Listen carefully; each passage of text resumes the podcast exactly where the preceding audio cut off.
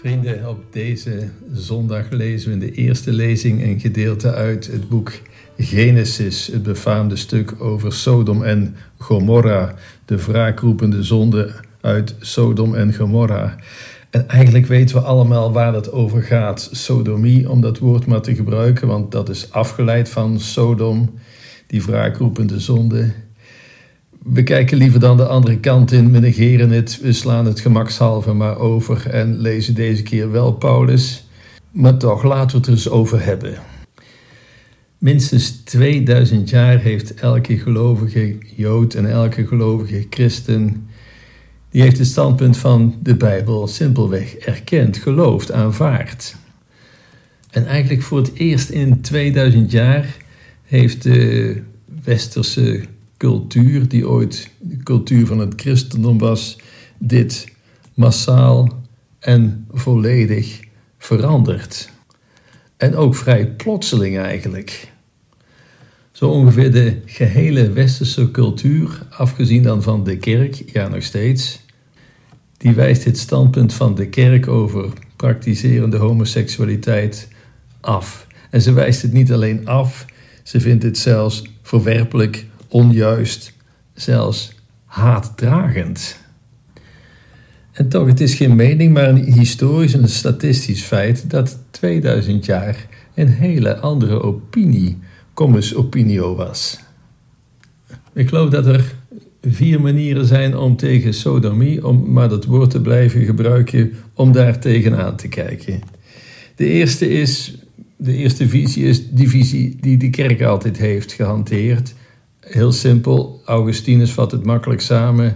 Hou van de zondaar, haat de zonde. Dat is een onderscheid wat in onze tijd haast niet gemaakt kan worden. Men, heeft, men heeft het daar moeilijk mee, maar het is wel typisch katholiek. Haat de zonde, hou van de zondaar. En over welke zondaars hebben we dan? Iedereen. Homoseksuele, heteroseksuele, doet niet ter zake. En over welke zonde hebben we het dan? Nou, zowel homoseksuele zonde als heteroseksuele zonde. Daar wordt totaal geen onderscheid tussen gemaakt. Een tweede visie, dat is meer de visie van onze tijd. Men noemt zichzelf dan de progressieve visie.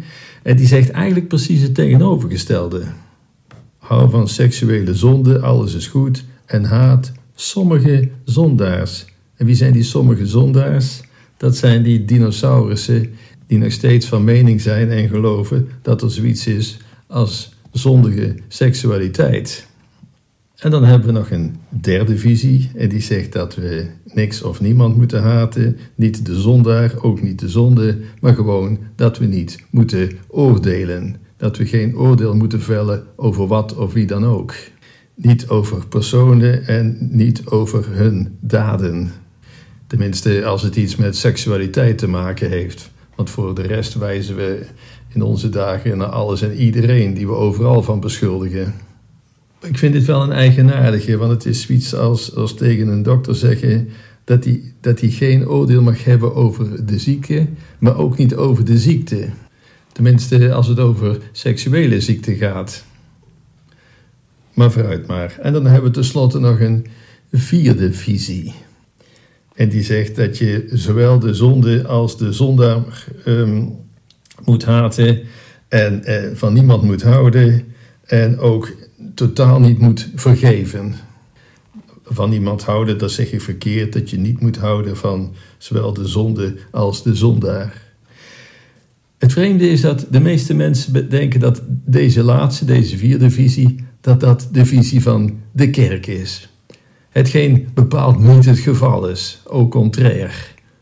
Nee, de kerk zegt niet dat we homoseksuele daden moeten verafschuwen en ook nog eens degene die ze bedrijven. De kerk leert simpelweg nog steeds hou van God en de naaste. En wie is die naaste? Iedereen zonder uitzondering, zowel de homoseksueel als de heteroseksueel. Uiteraard wordt daar geen verschil tussen gemaakt. En dat houden van de naaste, dat impliceert dat je het beste met een ander voor hebt, hopen dat het goed komt en daar je steentje aan bijdragen. En dat we ook barmachtig moeten zijn voor alle zondaars. In dat laatste zit een beetje het punt, want we noemen dat inderdaad nog steeds zonde. En dat is wat men eigenlijk niet meer lust in onze tijd. Cruciaal voor ons blijft echt dat onderscheid tussen de zonde en de zondaar. De ene niet goed praten wat niet goed is, want je drijft mensen het verkeerde pad op. En tegelijkertijd wees balmachtig. Wees balmachtig voor de zondaar. Ook dat wordt gevraagd. En waarom noemen we zonde nog steeds zonde? Het pakt niet goed uit. Er rust geen zegen op. Laat ik een vergelijking maken. Ik doe dat wel vaker. Um, ik koop een apparaat en je weet niet precies hoe het werkt. Ga je eigenhandig klungelen met dat ding. Het, het functioneert niet of het gaat kapot, maar het, doet niet waarvoor het bedoeld is. Hoe zit het katholiek geloof in elkaar, maar dan wel heel simpel uitgelegd? Ehm, God heeft de mens gemaakt. Ook dat heeft een maker, net zoals een apparaat een maker heeft en een ontwerp. En op een bepaalde manier werkt dit en bereikt het zijn doel. Zo ook de mens. De mens is ook geschapen voor het geluk. En hoe bereik je dat? Dat is de weg van de liefde en niet de weg van de zonde. Er zijn er eenmaal manieren van leven, daar rust geen zegen op. Daar, daar ga je mee de mist in. Dat voert naar de ondergang. En volgens mij is het liefdeloos om mensen daar niet op te wijzen en, te, en ze maar te stimuleren. Zeg maar, ga rustig je gang. Als het goed voelt, dan is het goed. Kijk eens verder naar die eerste lezing vandaag. Abraham smeekt God om, ja, want God wil Sodom uh, vernietigen vanwege de wraakroepende zonde. Stel dat er nog honderd rechtvaardigen zijn, wat zult je dan doen? Nou ja, vanwege die honderd zal ik de stad sparen. En hij, Abraham blijft maar aandringen. Stel dat er nog maar 90 zijn of 80, zult je het omwille van die 80 niet sparen. En uiteindelijk, zelfs tot, stel dat er nog maar 10 rechtvaardigen zijn, ja, omwille van die 10 rechtvaardigen zal ik de hele stad sparen. Het punt van deze eerste lezing is niet Gods oordeel, maar Gods barmhartigheid.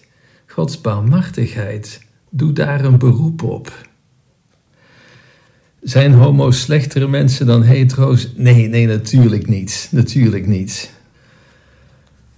Als je seksuele verlangens eerder uitgaan naar homoseksualiteit in plaats van heteroseksualiteit, is dat een, een, gevoel. En dat is geen zonde. Zonde gaat niet over gevoelens, maar over keuzes. Keuzes die je vrijwillig en bewust maakt. Dat geldt niet alleen voor seksuele zondes, dat geldt voor elke zonde. En dat geldt zowel voor homo's als hetero's, om het maar te duiden. Volgens mij kiezen mensen hun geaardheid niet. Ze kiezen hun gevoelens, hun verlangens niet. Deze verlangens zijn op zich helemaal niet zondig, maar wel kan het dat zijn wat je ermee doet. Hetero's hebben heteroseksuele verlangens en daar kun je ook behoorlijk mee de mist ingaan. Ook voor hen geldt, die verlangens zijn niet zondig, maar wel wat je ermee doet. Dat kan het wel zijn. En tenslotte nog een punt. De catechismus noemt um, praktiserende heteroseksualiteit, uh, nee, ik zeg het verkeerd, praktiserende homoseksualiteit, dat noemt de catechismus ongeordend. Ja, daardoor moet je je niet bedreigd voelen. Als gevolg van de erfzonde zijn we allemaal geboren met ongeordende verlangens en wensen. En dit is zaak om dat in toom te houden, om de deugden te beoefenen en de ondeugden tegen te gaan. Hetero's zijn geboren met promiscue heteroseksuele verlangens. En die zijn net zozeer ongeordend als wat we net zeiden over de homoseksuele verlangens. En ook van heteroseksuele verlangens zeggen we niet dat ze die hun lusten maar op los kunnen of bot kunnen vieren, want dat zou geen probleem zijn, want dat is het natuurlijk wel. Het schept verwijdering, het maakt gezinnen kapot. En ook daarvan zeggen we: nee, daar rust geen zegen op. De woorden die tegen Jezus tegenover de overspelige vrouw uitspreekt, die vatten het eigenlijk samen. Wat zegt hij? ga heen. Oftewel, hij toont zijn barmachtigheid. Maar hij zegt er wel iets bij. En zondig niet meer. Maar andere woorden, het was niet goed. Dat is iets anders wat onze tijd zegt. Ga heen, alles moet kunnen en ga gewoon verder met je levensstijl. Nee, dat is niet de katholieke visie. Als katholieken geloven we namelijk nog steeds in een objectieve natuurwet. Zoals je een natuurwet hebt, een fysieke, hè, voor, voor, noem maar bijvoorbeeld de zwaartekracht. Als ik eh, het boek wat ik in mijn handen heb loslaat, dan valt het naar beneden. Als u over het balkon stapt, dan stort u eh, richting de, de afgrond. Of u dat nu aardig vindt of niet. En dat geldt altijd en voor iedereen en overal. Zo geloven wij ook dat er een morele natuurwet is. Dat er een eikpunt is. Dat je vast kunt stellen wat goed is en kwaad. En het goede leidt tot het geluk, het eeuwig geluk. En het kwade leidt eerder naar de ondergang. Maar weet dat er altijd een ommekeer mogelijk is. Kijk naar het evangelie van vandaag. Het kernpunt van het gebed dat Jezus ons leert is het, in het Onze Vader is de vergevingsgezindheid, de barmhartigheid. Vraag erom en je zult het krijgen. Vraagt en je zult krijgen, zegt Jezus. Als het om vergeving gaat, mag u dat letterlijk nemen.